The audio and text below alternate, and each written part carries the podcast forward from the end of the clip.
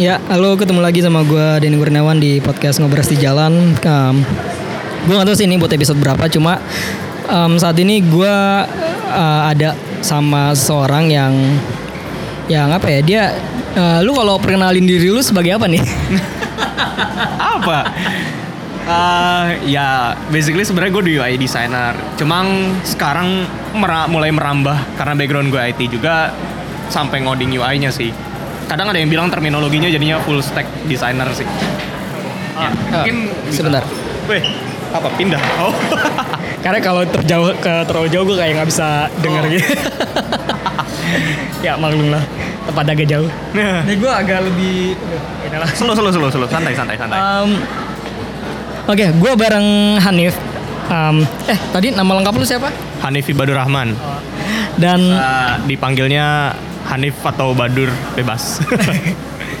dan um, Hanif ini um, sekarang ini kayak lu lu kerja di mana sih Nif? Kayak uh, lu sekarang lagi lagi sibuk apaan gitu? Oh, oke. Ya, sekarang gue di namanya Pintar, P E E N T A R. Itu startup di Depok. Eh, ranahnya tuh SAS dan IoT kayak gitu. Uh, SAS itu apa? I- uh, IoT itu apa? Oh, Oke, SAS itu software as a service. Jadi ya basically software yang kita bikin Ya. itu dipakai sama orang, orang bayar sama kita kayak Oke. gitu. Bayarnya juga bukan bayar lepas tapi service rutin gitu dipakainya, langganan kayak gitu. Nah target ya mau usernya kita sih bisnis sih kayak gitu yang pakai produk ini. Dan untuk IoT ini, IoT ini sebenarnya salah satu apa ya bukan support juga tapi kayak salah satu ujung-ujung untuk membantu mensupport SAS-nya itu. Karena IoT kan dia bersentuhan dengan uh, dunia ya. IoT gue belum bilang ya IoT Iya. itu Internet of Things. Ah. jadi bagaimana benda-benda itu terkoneksi dengan internet. Nah benda-benda yang terkoneksi internet ini bisa memberikan data-data fisik kepada sistem kita yang besar ini. Gitu basically ya kalau dijelasin ke orang umum orang emang nggak nangkep sih. Gue juga, juga susah nangkepnya. Tapi kalau gue udah ngeliat barangnya dan lu emang kalau kerja di perusahaan ya lu tau lah lu bakal sering pakai di perusahaan gitu. Uh, lu basic di IT, um, kenapa jadi UI designer gitu? Lu di IT nggak nggak pakai Sketch, Adobe dan keluarga-keluarganya gitu?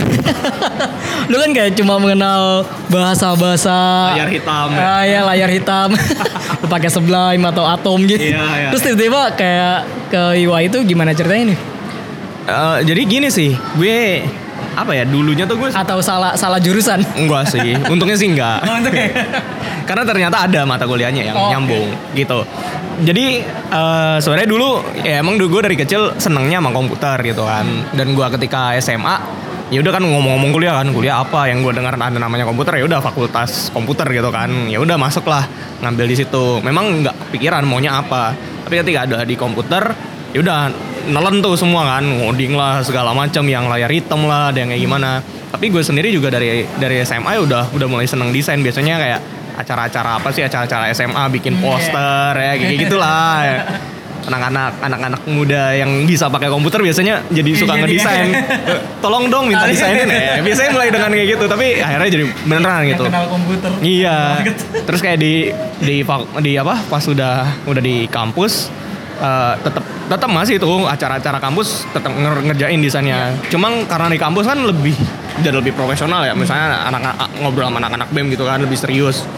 Jadi emang ya udah lebih ngedalamin dan akhirnya justru kayak gue baru kenal UI UX tuh karena itu kan mata kuliah di tingkat-tingkat akhir gitu kan tingkat 3 tingkat 4 gue baru mulai kenal justru oh ada gitu ya Yang mata, ranah mata kuliah Human Computer Interaction. Ya, HCI sebutannya Oh. sih HCI atau sistem in- sistem interaksi Oh. ya nama nama namanya mirip dengan itu itu cuma ya memang dari komputer science yang nyambung dengan apa ya interaksi manusia dengan itu Oh, oke. dengan komputer dan itu biasanya ujungnya akhirnya berupa ya udah desain interface atau kalau misalnya yang emang nggak bisa jatuhnya ya memang ke riset terus juga gambarannya aja low fidelity-nya biasanya.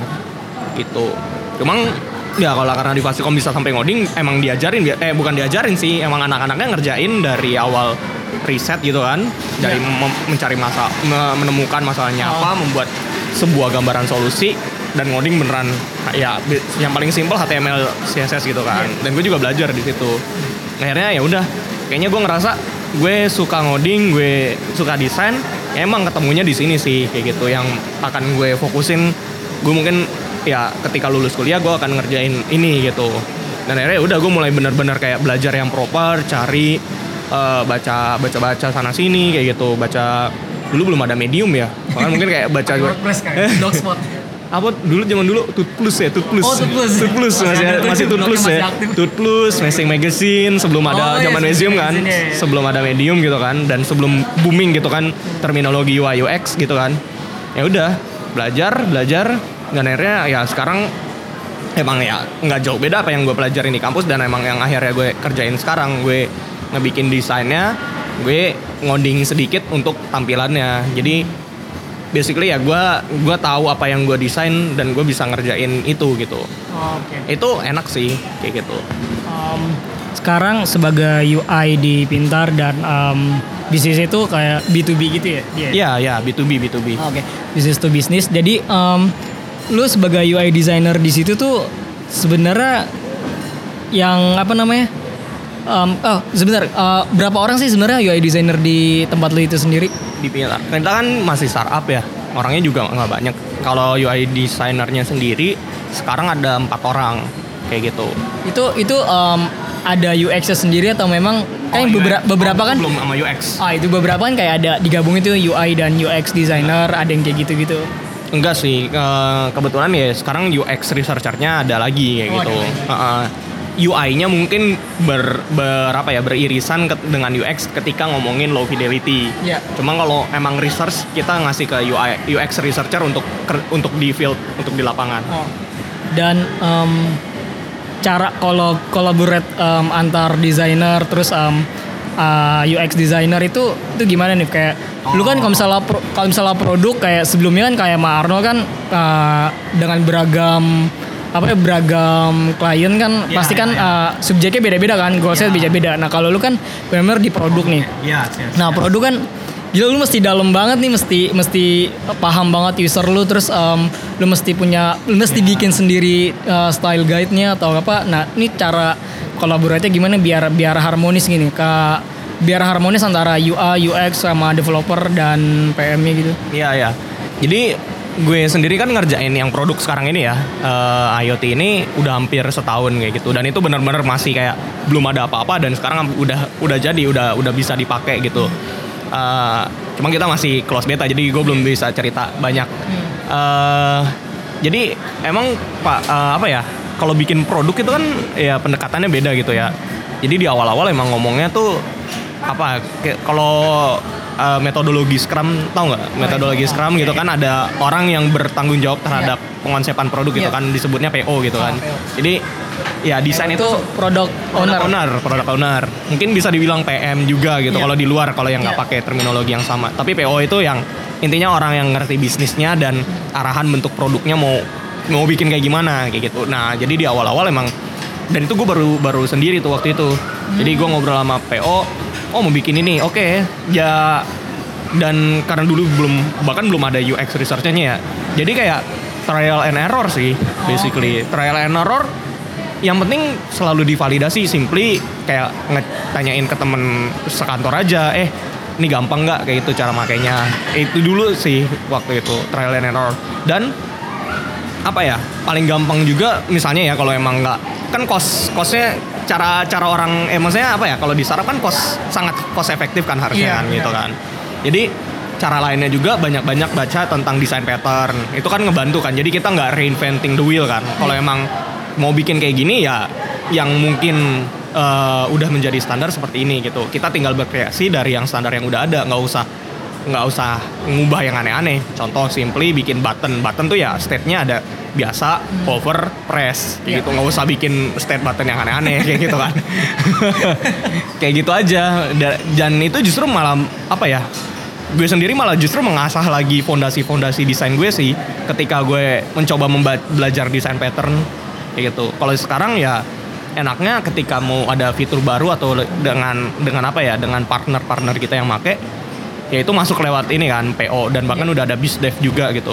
Nah jadi eh, kita sendiri yang emang ngurusin produk jadi sebutannya tim produk itu isinya ada analisnya ada UX-nya ada UI-nya ada PO dan ada BizDev-nya gitu dan itu ngerembuk bersama kayak gitu Nah, misalnya bikin fitur A gitu. Mungkin kita bahkan konsultasi juga dengan tim engineering kayak gitu. Ng ngajak mereka, ini visible gak bikin kayak gini gitu. Nah, dari situ ya kan udah nih kita mau bikin ini UX biasanya mulai bikin low fitnya dites dulu gitu kan ini works atau enggak kayak gitu baru di high fidelity high fidelity baru abis itu jadi siap backlog untuk dikasih ke tim development Oke. jadi tim development tinggal lihat oke ada fitur eh apa ya sebutannya kalau yang dibikin analis tuh sebuah dokumen analis lah Ok- dokumen-dokumen spesifikasi API-nya gitu lah ada dokumen desainnya segala macam mereka tinggal lanjut bikin bikin produknya. Itu ya itu juga workflow kita baru kita apa ya baru kita adjust juga sih beberapa bulan terakhir karena melihat udah mulai kompleks sebenarnya yang kita bikin. Dan orangnya juga lagi-lagi sangat slim sih kita ngebikin produknya Masih istilahnya masih berdarah-darah gitu ya. ya ya bisa dibilang nggak berdarah-darah Oh juga. Wak. eh dia dia eh, tempat itu udah udah ada eh, visinya sendiri atau selama ini masih bootstrapping gitu sih? oh kita sih nggak bi- dibilang visi cuma kayak kita emang self funded sih Oh. self funded udah investornya ada ada juga gitu kita Oh, oke. dan dan yang invest itu juga memang memang cukup untuk memberikan kita dana sampai kita bisa survive sampai sekarang gitu. Dan kita udah launching dan segala macam Pokoknya- kita nggak nggak main visi sih. Karena juga main visi ya gue nggak tahu sih kalau di yang lain. Cuma ya kalau yang kita yang dipercaya sama pintar enakan ya. Emang yang kita bisa kontrol sebenarnya. Kita mau bikinnya kayak gimana. Kayak gitu. Ber- dan berdasarkan visi dari CEO-nya juga. Pokoknya itu masalah CEO lah. Terkait masalah funding yang yang kita tahu ya udah ini ini masih sustain dan masih jalan gitu dan sekarang juga udah udah udah udah, udah bertambahnya dengan klien B2B kan juga sekalinya dapat sebenarnya lumayan langsung langsung kayak oh nangkep ikan paus kali ya sekalinya Langsung langsung pakai jaring. Iya, langsung jaring gede. Cuma memang bikin jaringnya juga lama Iya, gitu jaringnya kan. lama, mesti- mesti jaringnya lama. juga khusus gitu kan. Ya gitulah ceritanya kalau misalnya B2B. Dan mungkin juga makanya nggak terlalu kedengeran kali ya sama orang-orang Iya. sebenarnya. Cuma yang dikerjain ya menantang. Ya di sisi lain ya menantang banget karena kan biasanya user facing kan. Sedangkan ini Iya. corporate facing Iya. dengan persona yang berbeda segala macam yang berbeda. Itu challenge tersendiri untuk baik UX maupun UI-nya sih. Gitu. Tapi em, sejauh ini memang belum ada produk untuk yang B2C gitu atau memang em, ada kita kita memang eh, eh, stay di B2C di B2B karena memang em, pasar yang B2B ini kan memang em, lebih menjanjikan gitu daripada yang Iya, B2C iya, iya. atau gimana? Oh iya, kalau produk sendiri sih ya iya kalau kalau yang karena mainnya mungkin memang B2B, cuma eh, bis- kita bisa beberapa produk di mau diren- mau diperencanakan untuk spin off B2C gitu kan. Eh, dan itu ya di- ditunggu saja sih nanti. Kalau gitu kan kayak ada ada Dropbox, Dropbox kan juga SA, SASS SASS kan modelnya kan. Eh, SA SAS ya software as, as a service SASA. Um, dan Kalau Sasma itu ini CSS. Iya. SASS. nah, Beda. ada ada ada kayak gitunya sih eh, Iya ya, nanti kita pasti ya dari yang kita udah bikin ini kan untuk corporate ada beberapa modul-modul yang sebenarnya bisa dipecah untuk langsung nih user kalau mau pakai bisa kok pakai gratisan. Dan itu juga impactnya kan bisa membuat pintar dikenal juga gitu kan. Bahwa oh produk-produk pintar tuh yang user yang user facing tuh yang ini ini kayak gitu. Tapi ya kalau masalah bisnis gue rasa memang dapatnya dari ininya sih B2B-nya gitu. Dan ini nih uh, kalau misalnya ngomongin uh, seputar startup gitu kan, um, biasanya orang kan nangkapnya kayak masih masih jadi kayak tempat kerja yang seksi gitu kayak Iya, iya, um, iya. dicari oleh banyak orang gitu. Uh, uh, gua gua gua lebih interest ke startup nih atau um, ya semacam kayak gitu dan um, di tempat lu sendiri nih uh, ada kultur yang menarik gak sih yang memang uh, kayaknya nih um, Beda. ini ini ini bisa kultur ini tuh bisa bisa bikin harmonis antar semua divisi gitu Uh,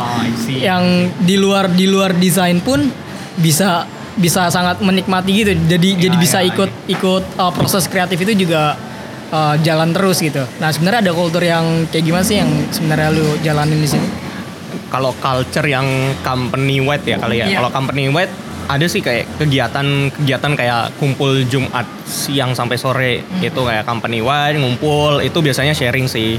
Sharing siapa pun boleh sharing kayak gitu. Atau sekedar kayak saling update da- dari company pun ngabarin eh di company kita progresnya seperti ini kayak gitu. Itu menurut gue enak gitu kan. Mungkin jadi lu memang ngerasa apa ya ngerasa deket dengan company yang lu kerjain di situ.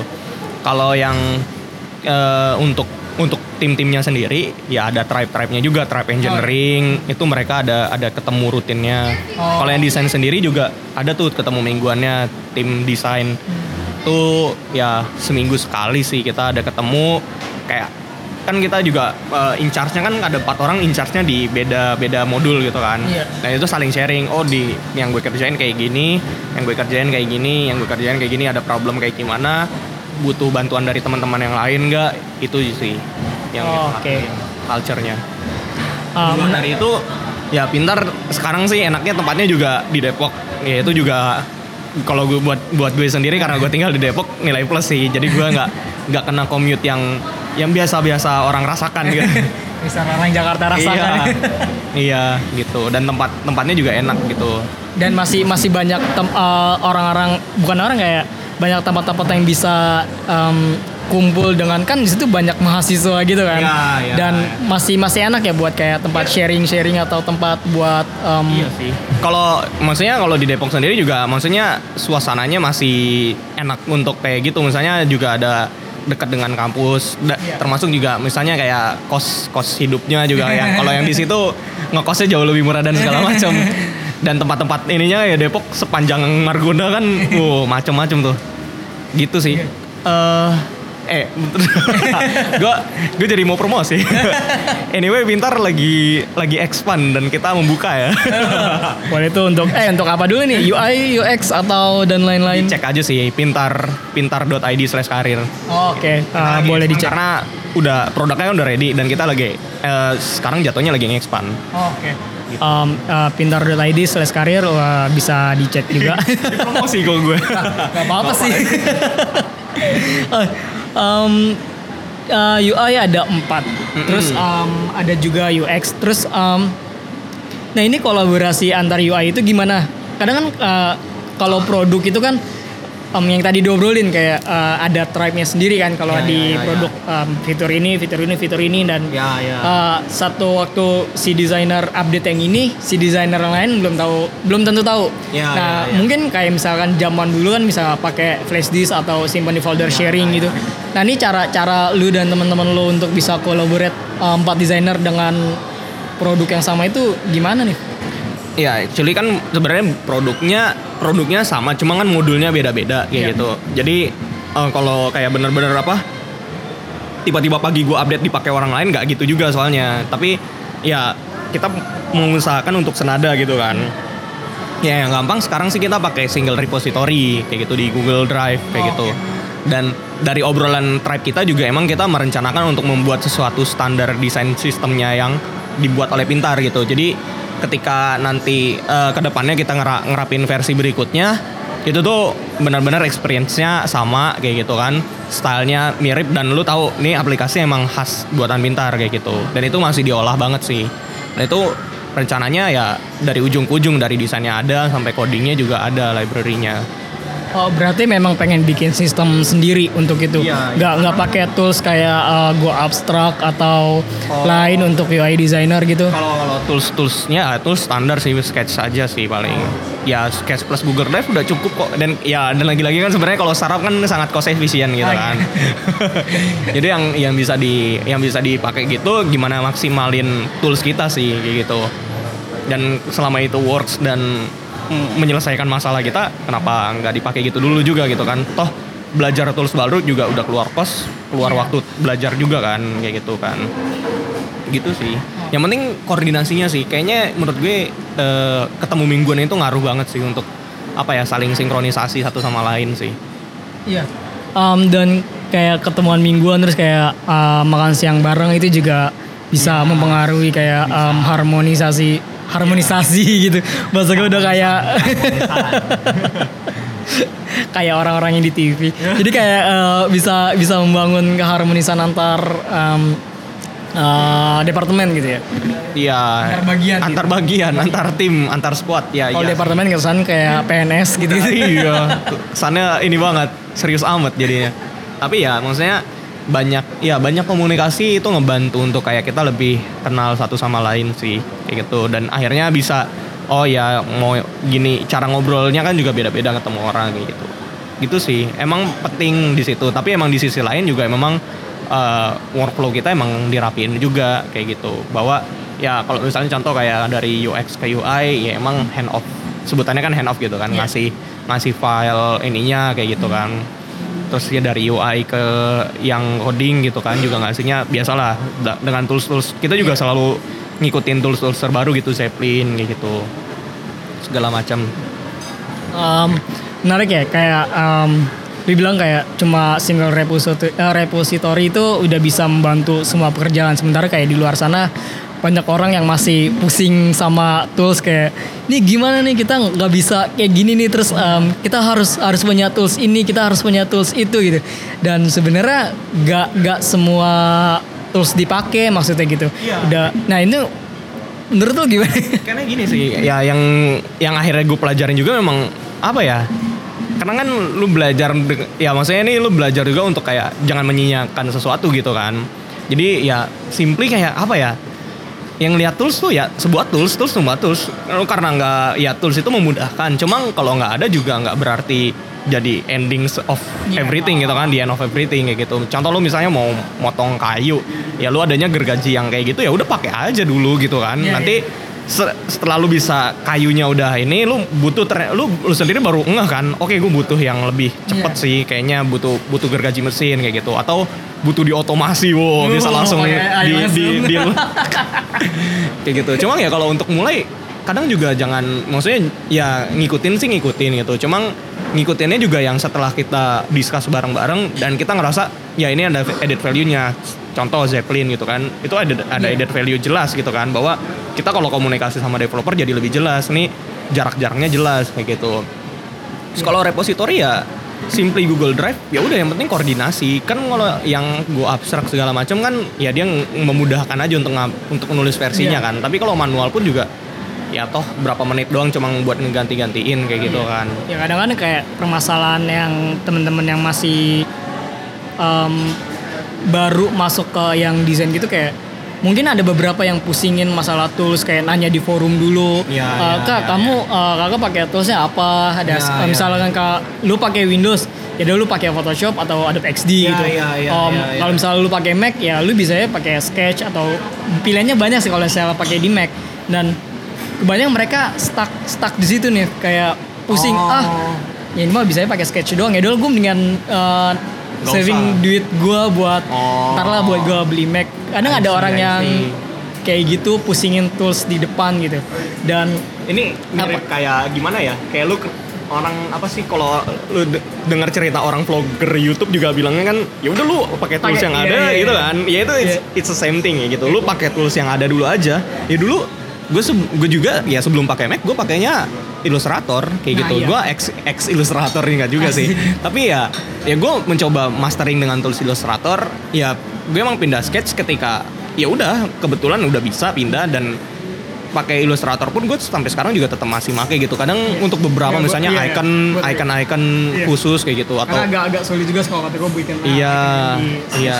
Ada ya udah maksudnya kalau baru bisanya Photoshop ya coba aja dulu juga gitu. Iya. Kenapa kenapa harus takut gitu? Yang lebih bahaya kalau lu jadinya malah nggak nggak nyoba apa-apa. Nah, udah keburu lepas tangan di awal. Udah gue udah bingung dah nggak usah lah kayak gitu. Coba Iya. aja dengan Photoshop. Temen gue ada yang ada yang di awal itu dari Photoshop pindah pindah belajar Illustrator, pindah belajar eh, ke sketch. Yang penting ini sih lu emang kalau lu emang tahu lu mau mendalami dunia UI, ya lu beneran di situ gitu loh. Emang ya udah lu belajar belajar dengan apa yang ada kayak gitu. Temen gue ngerjain dari Photoshop awalnya ya toh sekarang udah bisa pakai sketch gitu. Ya emang nanti toolsnya akan akan kan? akan ke upgrade kan. ya, Tapi yang kata kasih Arnold sih kayak di UI UX ini kayak kayak roti aja gitu. Iya. Eh, ada ada ada ada bentar lagi Ada juga kayak baru ada lagi. masih Kan kayak juga- ada Invision. iya tiba-tiba ada Invision Studio gitu kan. Invision Studio mau keluarin buat Windows juga kan iya dia. Ya. makanya Once itu keluar uh, di Windows ya XD gue nggak tahu bakalan bisa uh, bertahan atau gimana Iya. ya. justru yang yang harus lebih concern adalah gimana lu bisa benar-benar memahami proses UI design itu Nah, sendiri ah. sih kayak lu benar-benar memahami bahwa UI design tuh meng- ada reasoning reasoningnya ada perhitungan perhitungan eksaknya Iya, iya. ada ya memang ada taste nya juga gitu kan ketimbang kayak ke, keburu musing pakai tools sih Nah. kayak gitu kayak lu kalau lu jadi vlogger ya lu gimana cerita cerita Iya. kehidupan lu gitu kan Iya, ketimbang kayak lu udah udah pakai topi segala macam dan dan mulut tiap hari tapi sebenarnya nggak ada isinya Kontennya nggak ada. iya gitu loh simply gitu sih sebenarnya kalau gue memandang keadaan sekarang ya kalau emang lu beneran mau gitu belajar belajar aja apa yang ada kayak gitu sama kan semua orang selalu bilangnya gitu karena emang Iya, begitu gitu iya. kita Karena- harus accept bahwa emang caranya begitu Ya memang memang proses itu memang perlu sih ya. nggak Nggak ada mungkin yang iya. instan lah gitu. Nggak mungkin juga proses ya nggak mungkin Steve Jobs juga di awal karirnya nggak mungkin langsung bikin Apple sebesar itu Iya. pas kan lewat lewat Ada- proses ada iya error kayak gitu Johnny Ive bisa bikin produk sebagus itu juga Iya. nggak mungkin bisa sampai langsung gitu juga mungkin masih ada errornya bahkan Iya. kan. Ya nam- yang penting lu kalau lu emang seneng ya lu kerjain gitu. Dan lu jangan berhenti untuk berhenti dan tiba-tiba kayak pindah-pindah aja kayak gitu. Gitu sih. Kalau lu emang kayak ya lu setelah itu kan lu misalnya ko- konstan misalnya di ranah misalnya UI ini 10 tahun ya lu emang akan dikenal sebagai expert di situ kan pasti kan. Dan Gitu em, ya gue waktu itu pernah kayak nonton vlog gue lupa dia dia vlogger eh, US gitu bukan si Casey Neistat. Gue gue lupa namanya dia. Dia dia dia per- dia sering banget dapat pertanyaan em, gimana rasanya jadi seorang UI designer? Gimana rasanya seorang UX oh dia designer? vlogger tapi UI designer? Em, mostly dia upload konten tentang itu. Oh, oke. Ah, terus em, dia dia kayak kayak kesel gitu dengerin pertanyaan eh, orang-orang nanya ke dia gimana rasanya berkarir di situ atau punya pekerjaan di situ? Dia dia em, saking kesel dia bilang em, kalau lu memang minat di situ ya memang ya lu harus kecebur dulu gitu. Ibarat kalau orang mau renang gitu em, lu udah udah siap pakai baju renang ya misalnya lu nggak mungkin kan lu lu bilang eh eh, men di situ kolamnya hangat atau enggak? Eh Ya. situ dalam atau enggak? Gitu. Iya. ya dulu tapi gak nyemplung-nyemplung akhirnya gitu kan lu nyemplung dulu aja ntar lu juga lu tahu gimana rasanya kalau memang lu eh, nyaman gitu ya. Lu pasti bisa jalanin itu dan Iya. kalau memang lu eh, dari orang yang eh, suka ngomong dan pengen jualan ya lu misalnya bisa jadi sales ya. Lu terjun di situ aja nggak usah nanya nggak usah nanya dulu jadi sales itu gimana sih? Eh, untungnya gede nggak sih kalau jadi sales atau jadi apa gitu. Nah kebanyakan kayak memang em, ya lu tahu sendiri ya di banyak di forum-forum di internet gitu banyak yang bilang eh gue mau lulus nih tapi gue bingung mau kerja apaan. Terus em, gimana sih eh, Nif seorang UI itu gimana sih Nif? Gue mau masuk itu tapi gue bingung nih Nif gitu. Oh, lo pernah pernah dapet pertanyaan-pertanyaan kayak gitu kayak pertanyaan galau tentang karir ya? Iya iya banyak yang kayak gitu juga. iya. ya gimana ya? Ya kalau mungkin nih bener yang waktu di- dibilang Arnold kalau apa? Ya lu beneran diem step back lu lihat hidup lu selama ini udah ngapain aja lu mau jadi apa sebenarnya? Itu yang paling make sense menurut gua. Kalau emang ya emang nggak ada ya udah pilih aja. Pilih dan kerjain aja. Toh juga bi- biasanya works works aja gitu kan. Iya. Gitu. Kadang ada juga kan nggak nggak juga orang nggak juga nggak semua orang juga kan mau yang Iya. mikir mikir yang kayak gitu tapi intinya hmm, ya lo lu nyemplung di satu hal kalau lu oke kerjain. Kalau lu nggak oke ya udah buru-buru ganti. Kayak gitu. Sebelum akhirnya kelamaan. Dan lu malah jadi menyesal sana sini kayak gitu. Kalau dan setiap kalau mau ganti benar-benar lu pikirin sebenarnya lu mau jadi apa sih setelah ini kayak gitu. Gitu aja sih. Ya. Nggak gitu aja juga sih. Gue juga gue juga mengalami kok namanya apa ya dilema sebenarnya gue mau ngapain, mau ngerjain jadi apa gitu. Cuma ya ketika gue ngeliat ke diri gue sendiri selama hidup gue ini ternyata gue enjoynya di sini dan di coding dan dia gue ng- kuliahnya ngoding dan gue sendiri suka desain. Ya udah ketemuin aja itu adanya apa di Tuh. pekerjaannya. kombinasinya asik bener nih Sedap-sedap ya, asik-asik sedap ya.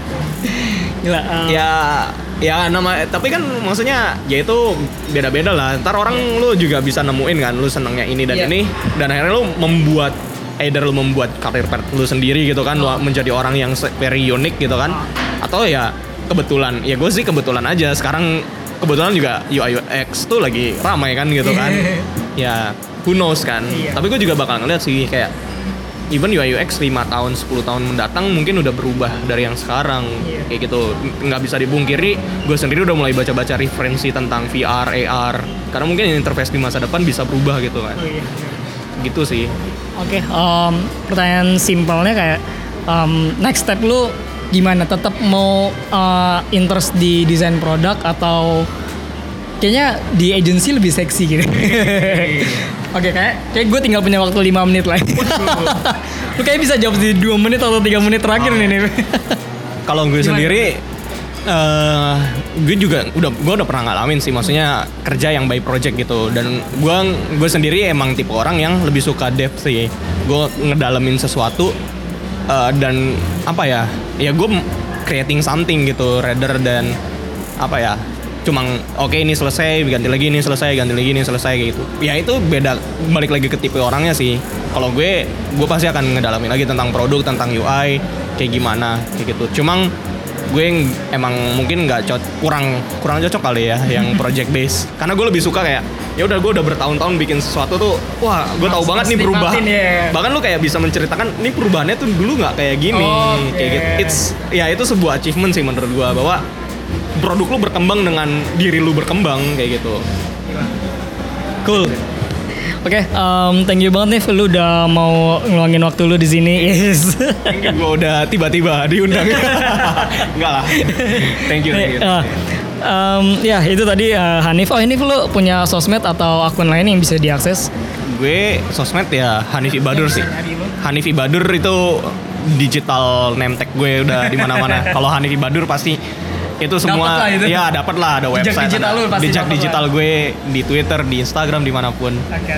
sip sip Siap. Thank you Nif atas waktunya Nif. Eh, Oke. eh, kayaknya udah cukup sampai sini. Eh, see you. Dah.